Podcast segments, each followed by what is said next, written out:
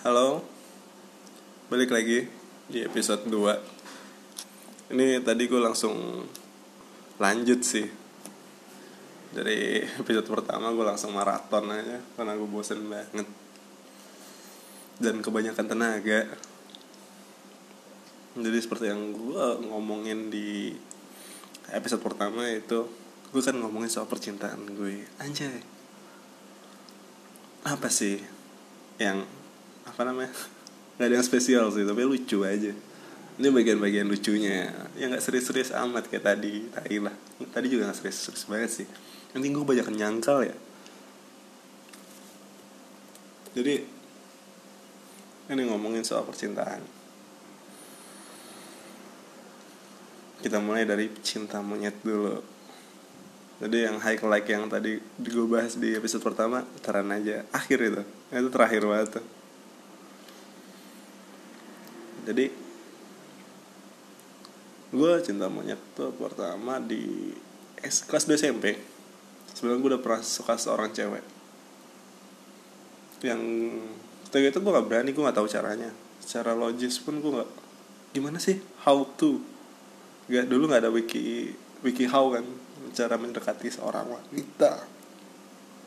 Seorang cewek. SMP dan di SMP itu gue masih sangat orang yang sangat logis banget men. Yang ya yang cukup pinter ambis. Nggak tahu lagi jadi gue ketika itu nggak dulu merasa nggak perlu gitu. Tapi gue suka sama seorang cewek. Ya gue diemin aja sampai hampir kelas 3 out of nowhere gue tembak di FB di Facebook chat. Nggak jelas memang anjing. Terus melanjut ditolak jelas. Deg-degan banget parah cuy. Ternyata jatuh cinta tuh gitu ya. Anjay. Ketika dulu tuh gitu pikirnya. Kok bisa gini ya perasaan gue hati gue bisa sangat ini? Apalagi anaknya gue mikir banget kan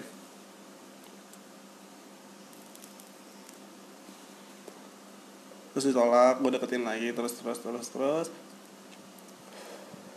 Sampai akhirnya study tour kelas 3 kelas 3 SMP study tournya ke Bali. Dia akhirnya dekat sama anaknya guru dong. Anjing.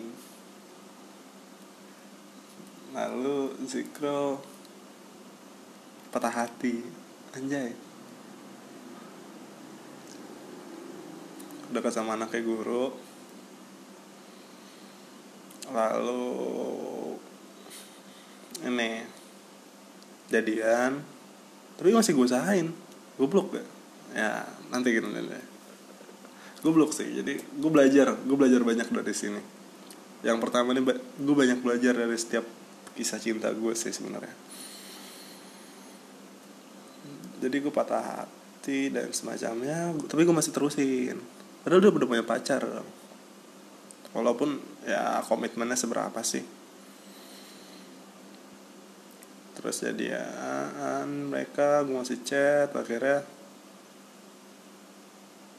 tapi intens banget intens banget gue chat bukan chat sih SMS-an dulu kelas dulu sampai itu kelas 3 kan. Lulus spare waktu SMP ke SMA itu liburan masih chat intens kelas satu SMA gue mereka putus di awal-awal akhirnya gue jadian sama gue ber, beraniin tembak dia lagi dan akhirnya jadian. Udah. Ya gue goblok sih nggak tahu cara pacaran kan. Gimana sih cara pacaran anak-anak bocah yang ambis logik gitu? Akhirnya cuma SMS-an doang. Pacaran-pacaran cita-cita monyet nonton udah. Gue beli boneka dan sepacamnya mungkin gue udah bucin ya. Terus udah akhirnya putus. Dia jadi nomor orang lain langsung. Di sana gue belajar. Gue belajar banget bahwa ketika lo ngambil bukan ngambil sih nikung orang lu bakal lu harus siap ditikung lagi. Dan perasaan ditikung tuh gak enak. Tapi karena dia gue jadi suka MCR cukup terpengaruh gue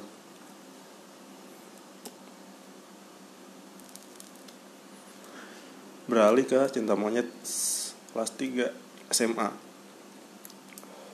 jaraknya jauh-jauh. Gue bukan orang yang berani dalam kisah percintaan dan bukan orang yang berani juga dalam mengutar gue harus memastikan ini perasaan gue kayak gimana.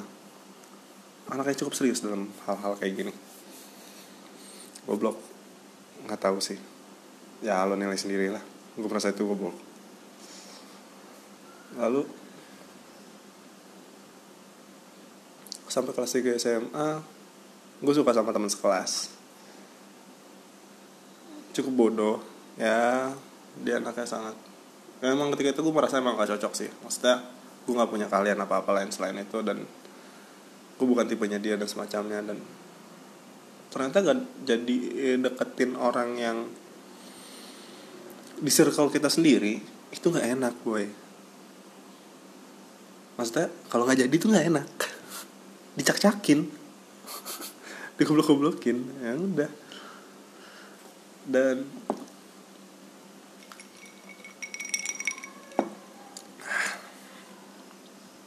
itu pelajaran kedua buat gue jadi dapat impact nggak diterima lagi jadi gue malah ah, kalau mungkin bahasa sekarangnya itu insecure nggak pede. Karena gue masuk kuliah kan. Kuliah gue cowok semua. Dengan tipikal gue yang tadi kayak nggak bisa dekat siapa-siapa dan gimana gimana akhirnya gue nggak tahu mau deketin cewek tuh gimana caranya. Di jurusan yang cowok semua di teknik mesin anjing lu mau cari cewek kayak gimana maksudnya ada sih cewek, di angkatan gue ada beberapa orang yang cantik. Maksudnya tipe gue tipe secara fisik ya. Physically tapi gue kayak nggak deh. Masih banyak yang lebih keren. Karena gue nggak pede. Kalau gue pede pun kayaknya bukan sih. Maksudnya gue menghindari jadinya. Kayak malah struggling sih kayaknya. Dari dulu udah kayak gitu ya ternyata setelah gue flashback ya. Setelah gue ngomongin kayak gini. Lalu oh gue sempat ternyata ikut event dari secara kampus dan secara ITS gitu yang event gede. Nah di sana gue uh, kenal sama satu cewek beberapa orang. Akhirnya temenan di Facebook ketika itu masih Facebook. Nah kenal kenal kenal dia akhirnya putus cuy sama cowoknya itu. Tapi setahun ya setahun semenjak ya setahun semenjak event berjalan. Lalu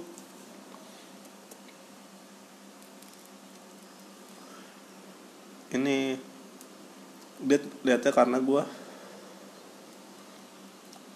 daerah kosan gue deket rumahnya. Dia apa kosan dia ya? Gue lupa akhirnya dekat-dekat dekat tapi akhirnya nggak gue jadiin. Karena gue merasa enggak aja. Udah gak sih lo perasaan-perasaan kayak gitu? Ya emang gak enak. Makanya gue jarang banget mencoba untuk dekat sama cewek. Semenjak ya kayak gue cerita sebelumnya gue kayak semenjak kelas 2 SMA gue meras mulai memikirkan perasaan orang lain. Nggak perasaan gue doang. Keterusan. Itu sih gobloknya karena pada akhirnya gue merasa ini kalau gue misalnya gue masih ngikutin logika dan semacamnya kayaknya bakal lebih enak. Tapi pada akhirnya ya udah sekarang tuh udah ya udah ikutin aja. Kalau butuh logika ya udah butuh perasaan udah ikutin aja dulu. Kayak kalau nggak tahu ke depannya kayak bakal kayak gimana kan. Jadi semenjak nah soalnya pun gue brengsek rada. Gue tiba-tiba di teman gue dekat sama anak uner. Di jurusan of di fakultas kedokteran gigi. Nah akhirnya eh iya cuy dia teman gue dekat. Terus gue dikenalin sama temannya teman yang dideketin sama teman gue. Ribet ya? Udah gitu awalnya dia nggak terlalu interest dan semacamnya. Dan apa ya? Nggak ada yang spesial juga dari gue kayak gue bilang. Terus akhirnya dekat-dekat-dekat jadian. Dua bulan doang putus tiba-tiba. Gue cukup pusing di sana. Maksudnya nggak bisa move on. Karena apa ya gue ketika itu ya gue masih malas-malasan kuliah. Masih sibuk dengan organisasi gue gue nggak memprioritaskan perkuliahan gue dan menurut gue itu hal wajar ketika dia merasa oh ini anak gak jelas. Habis itu gue juga kurang cocok sama dia mungkin. Maksudnya gue dia nggak bisa cerita tentang apa dan semacamnya. Akhirnya dia putusin. Tapi gue nggak tahu alasannya. Gue nggak tahu alasan kenapa dia mutusin. Dan itu menjadi bayang-bayang buat gue gak bisa move on setahun jadian cuma dua bulan. Walaupun gue dari install Tinder boy.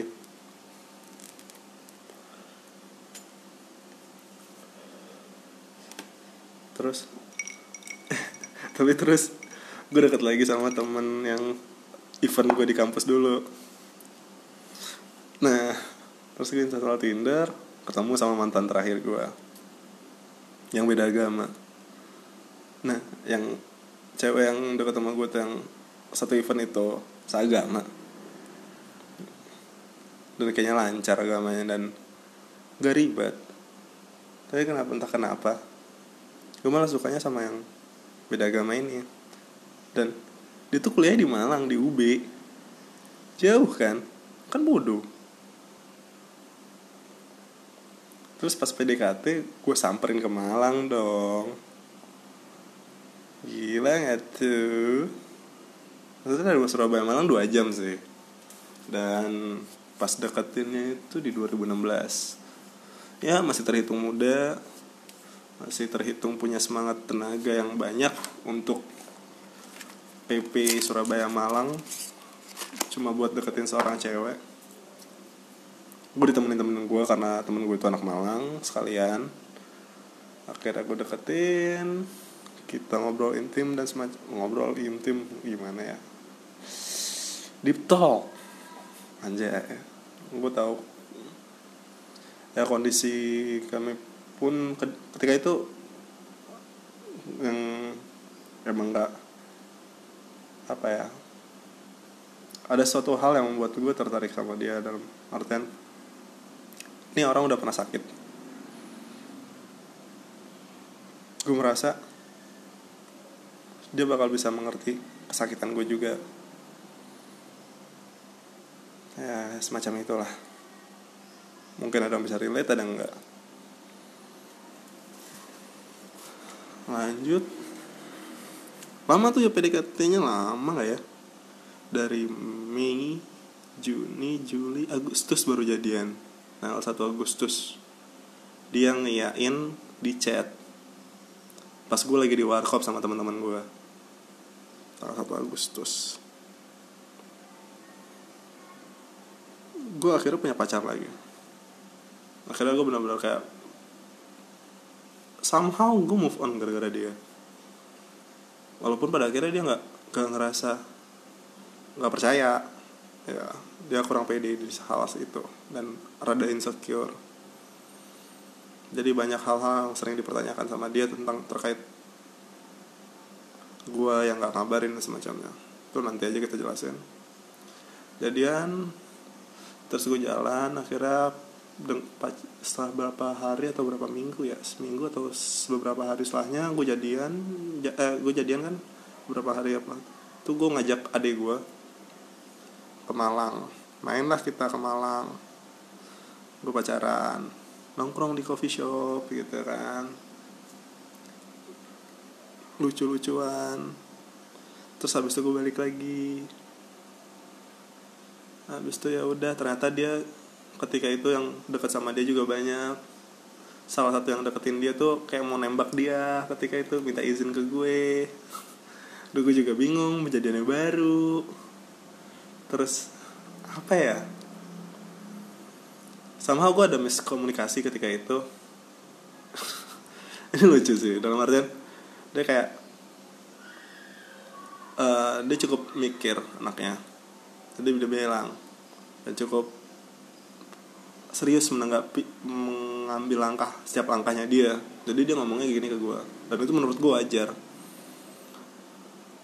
Uh, gue nggak dia ngomong gini kayak intinya tuh dia nggak tahu kalau bakal kayak gimana nantinya. Dan nggak bisa ngasih sepenuhnya dulu gue nangkepnya dia ngajak putus. Goblok. Kebiasaan nggak baca secara detail. Nah gara-gara dia kan gue bilang tuh sebelum sebelumnya tuh gue selalu ngambil pelajaran kan. Gue selalu membaca chat tuh dengan detail sekarang. Jadi gue nginget semua hal tentang teman orang-orang terdekat gue gara-gara dia gue nggak tahu dia nggak suka kuning telur. Dia banyak lah tentang dia yang gue ingat. Gue soalnya gue pernah masakin mie mie rebus kuning telurnya pecah dia nggak mau. Hmm. Anjing gue flashback dan ini rastai juga ya?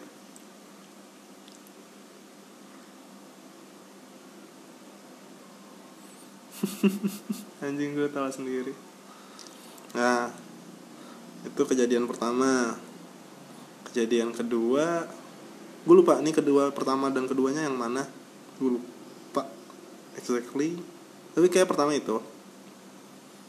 Yang kedua adalah gue pengalaman pacaran kan dikit banget tuh dari cerita-cerita sebelumnya. Jadi gue nggak paham kode-kodean cewek. Jadi teman gue tuh gue punya teman. Dia itu pengen curhat. Ya udah gue izin dulu. Temen gue ada yang mau curhat cewek. Dan semacamnya. Kayak dia ngasih kode-kode yang jangan lah nggak usah nggak usah nggak usah nggak usah nggak usah usah. Emang agak cemburuan anaknya nah suatu ketika gue izin lagi diain sama dia. Terus karena dia iyain ya udah gue berangkat tanpa ngasih tahu. Lalu teman gue ikut. Dan dia tahu kejadian itu. Selanjutnya kapan hari setelah itu gue teleponan sama dia. Ada teman gue juga keceplosan teman gue. Kalau temen gue yang cewek ini pernah jadi jadi waktu itu curhat sama gue. Terjadilah perang dunia pertama. Karena yang sebelumnya itu kan miskomunikasi kan dan bisa bisa ditenangkan lebih mudah. Dan bintang dia Taurus jadi gampang minta putus. Gampang banget. Sampai akhirnya gue harus sering banget dia minta putus nyambung dan akhir gue sering banget juga yang ke Malang buat minta maaf buat memperbaiki hubungan gue nggak menginikan gue ya maksudnya meninggikan diri gue wah si kru berani ya buat bela-belain seorang cewek Gak juga, gue karena gue gue sayang dia dan kenapa enggak? Dulu mikirnya gitu dan gue benar-benar sayang. Dan akhirnya kita gue sangat senang di saat itu ya gue sangat senang ketika bersama dia. Karena di sana gue benar-benar ngerasa gue disayang men. Gue nggak tahu gue nggak tahu lagi definisi rasa disayang tuh kayak gimana to be loved gue nggak tahu lagi. Dan ketika sama dia gue ngerasa itu. Lalu akhirnya kita bikin custom lah. Tiap tanggal jadian kita tukar buku dan semacamnya. Itu membuat gue membaca lagi. Sebelum sebelumnya gue gue pernah baca dan bukan anak yang sangat suka membaca. Tapi karena dia gue gue jadi membaca lagi. Hal yang positif menurut gue kita sering berantem berantem kecil karena gue anaknya juga susah ngabarin kan kadang dan ada satu dan lain hal yang membuat gue gampang jago ngeles bukan ngeles sih dia nganggapnya bohong. Gue nganggapnya ngeles. Duh goblok. Terus ya udah. Karena gue merasa gue nggak gue gak sama cewek dan gue nggak selingkuh dan kenapa gimana gimana jadi gue merasa itu aman. Lagi gue nongkrong sama cowok gitu. Selanjutnya ya sering lah kejadian-kejadian kayak gitu kayak dia cukup posesif. Dalam artian dia harus tahu gue gimana kita harus saling ngabarin. Gue gak menjelekan dia tapi dalam artian memang dalam hubungan wajar aja dia kalau menurut gue wajar aja dia menuntut hal itu karena dulu juga kita sering kayak gitu maksudnya teleponan dan semacamnya. Ketika gue nggak bisa pun dia cukup ngerti. Dengan alasan yang logis dan cukup dia pahamin. Tapi bikin dia paham itu yang yang kadang berat buat gue nah jadian akhir setahun setahunnya bodoh gue setahun. Kita sama-sama lupa. Dia yang lupa malah kalau nggak salah. Kalau kita udah setahun. Habis gue ingetin paginya Karena malamnya kita lupa. Dia ngerasa Tuh kalau gue yang lupa tuh Bahaya men. Kayak Hmm perang dunia lagi gitu kan. Kalau gue yang lupa tuh kayak Hmm gitu kan. Ada sasaran empuk untuk dimarahi. Ada sasaran empuk untuk diserang gitu. Enggak sih itu perasaan gue doang Dan nomor nggak kayak gitu juga tapi kayak tau gak sih lo paham lah. Gue berharap lo paham. Terus ketika dia yang kayak gitu karena gue anaknya santai dan ya santai sih. Ya kelewat santai malah gue. Gue nggak pernah benar-benar ya gue ketika gue pernah sempat problem. Ketika ya gue dilarang apa? Dia ngelakuin itu dan nggak memberitahu karena di awal dia ngomongnya apa selanjutnya dia melakukan apa itu bikin gue marah. Pernah.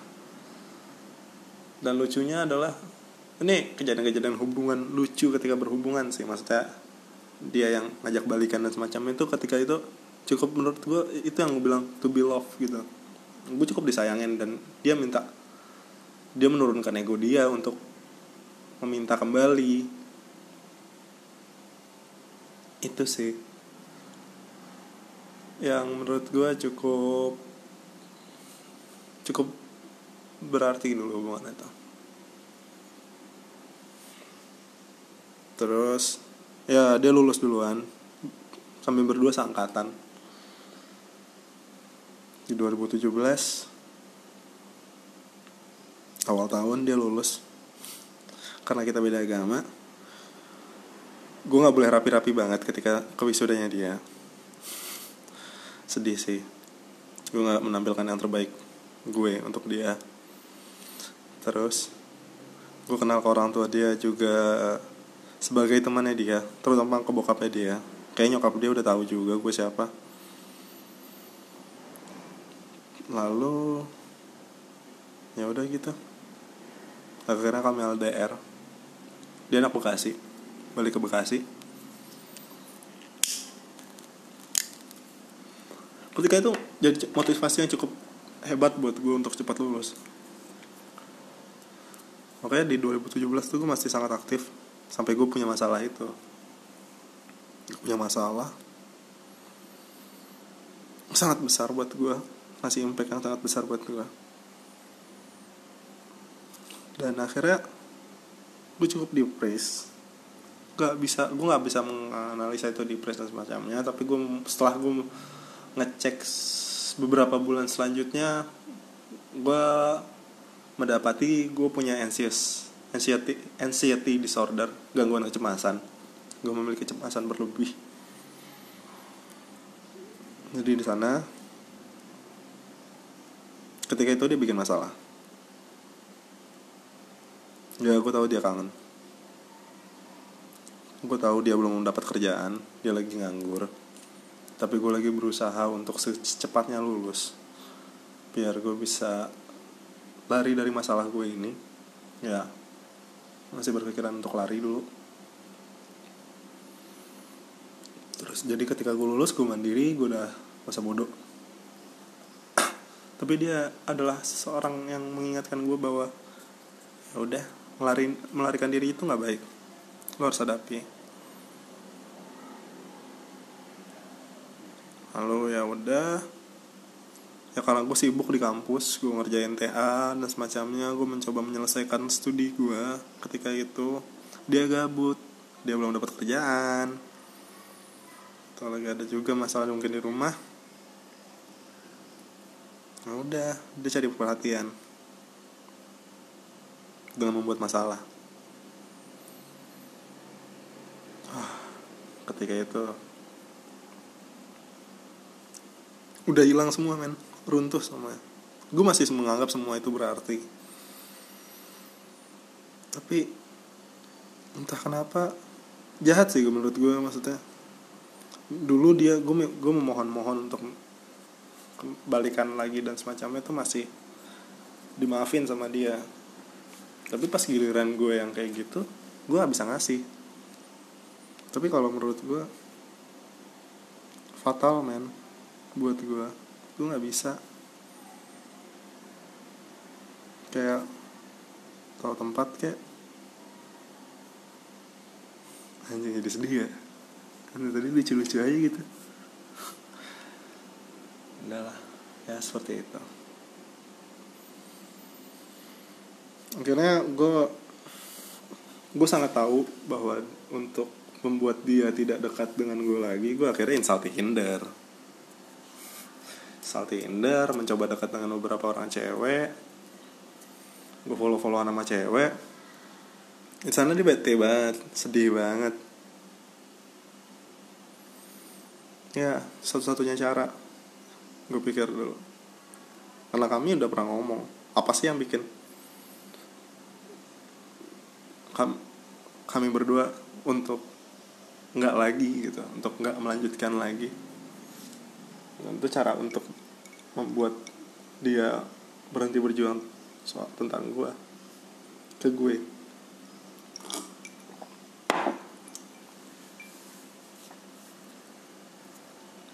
Ya gitulah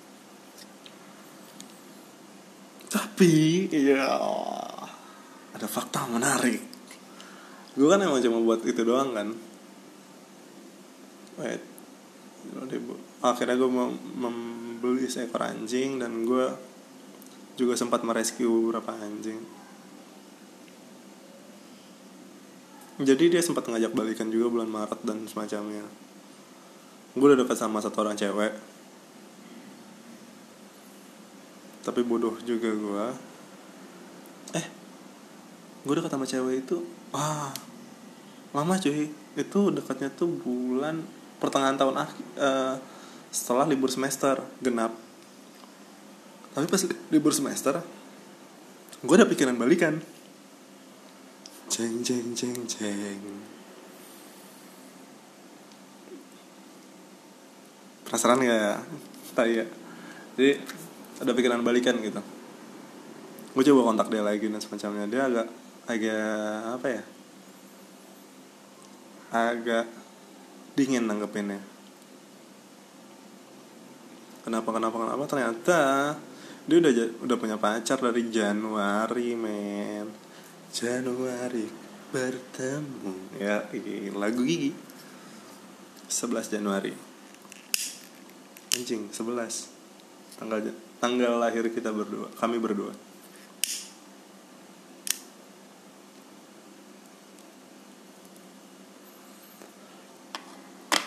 Tapi kok paham sih maksudnya? Dia anaknya nggak bisa sendiri. Gue mau ngajarkan hal itu pada akhirnya sampai sekarang. Tapi ya buat gue nggak bisa men. Gue mau ngajarkan aja tapi gue nggak bisa? Ya gitu kan pak nah tadi udah jadian dari Januari padahal bulan Maret atau ya pertengahan ya awal-awal bulan yang Maret April gitu mungkin dia ngajak balikan lagi. Dan itu nggak bukan maksud untuk menjelekkan dia ya. Mungkin dia waktu itu merasakan fase di mana gue ngerasain gue nggak tahu nih gue gue putus diputusin kenapa? Gue nggak tahu gitu jadi dia masih agak terbayang dan semacamnya. Dan akhirnya minta balikan dan semacamnya.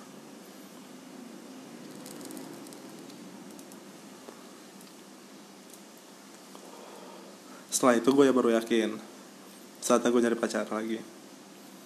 Nah habis itu gue jadian eh, gue bukan jadian sih maksudnya deketin cewek. Gue deketin cewek. Gagal.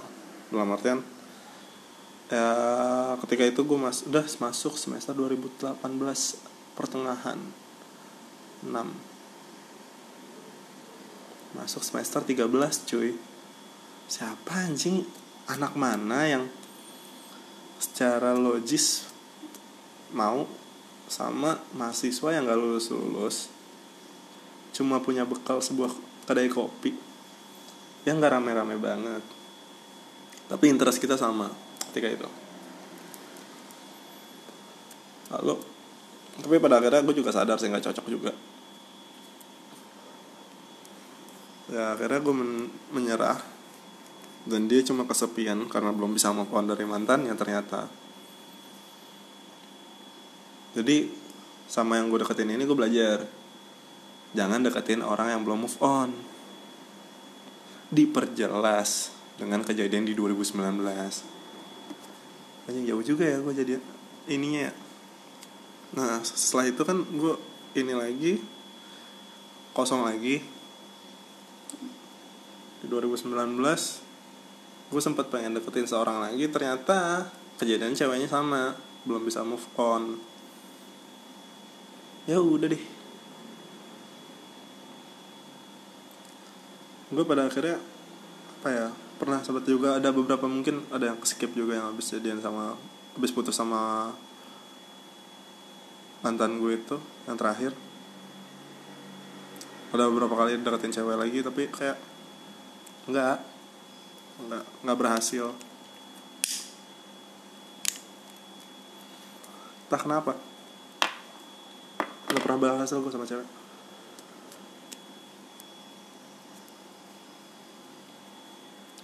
dan pacaran pertama gue cuma tiga bulan pacaran kedua dua bulan yang paling lama yang yang terakhir.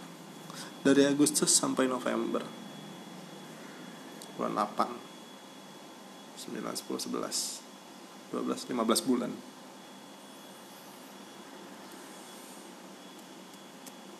Nah paling lama itu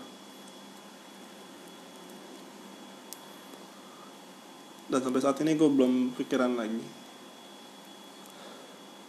Dalam artian Kalau ada ya udah Kalau nggak ada ya udah. Kayak gue masih bener Ya gue percaya nggak percaya diri banget sih maksudnya Anjing. Mahasiswa tua doku nggak ada. Nah, apa sih yang bisa? Maksudnya dalam artian yang pengen gue deketin kan pasti ya akhirnya gue juga belajar gue pengen deketin orang yang seenggaknya tuh dewasa juga dan orang yang dewasa pun kebanyakan berpikiran untuk jenjang yang lebih serius dan semacamnya kan. Gue belum siap apa-apa men. Secara finansial secara mental mungkin. Background gue juga nggak baik-baik amat.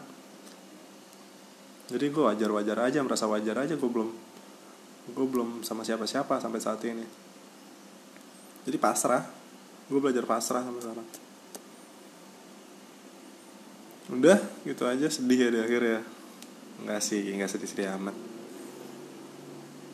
Cuma seorang Sagittarius yang hopeless romantic. Sekian. Selanjutnya apa ya? Kita mikir dulu. Selanjutnya oh ngomongin pasrah. Gimana sih gue belajar pasrah gitu? Kayak yang bocah yang dari ambis udah, udah kayak sekarang slow aja mau kemarin yang pas mau di do ya udah mau gimana lagi? Ya udah mau gimana lagi? Tetap tapi tetap punya mimpi. Tapi diusahain. Tapi kalau nggak jadi ya udah. Usaha lagi. Cari jalan lain. Sekian dari gue. Tunggu di episode selanjutnya. Dah terima kasih udah mendengar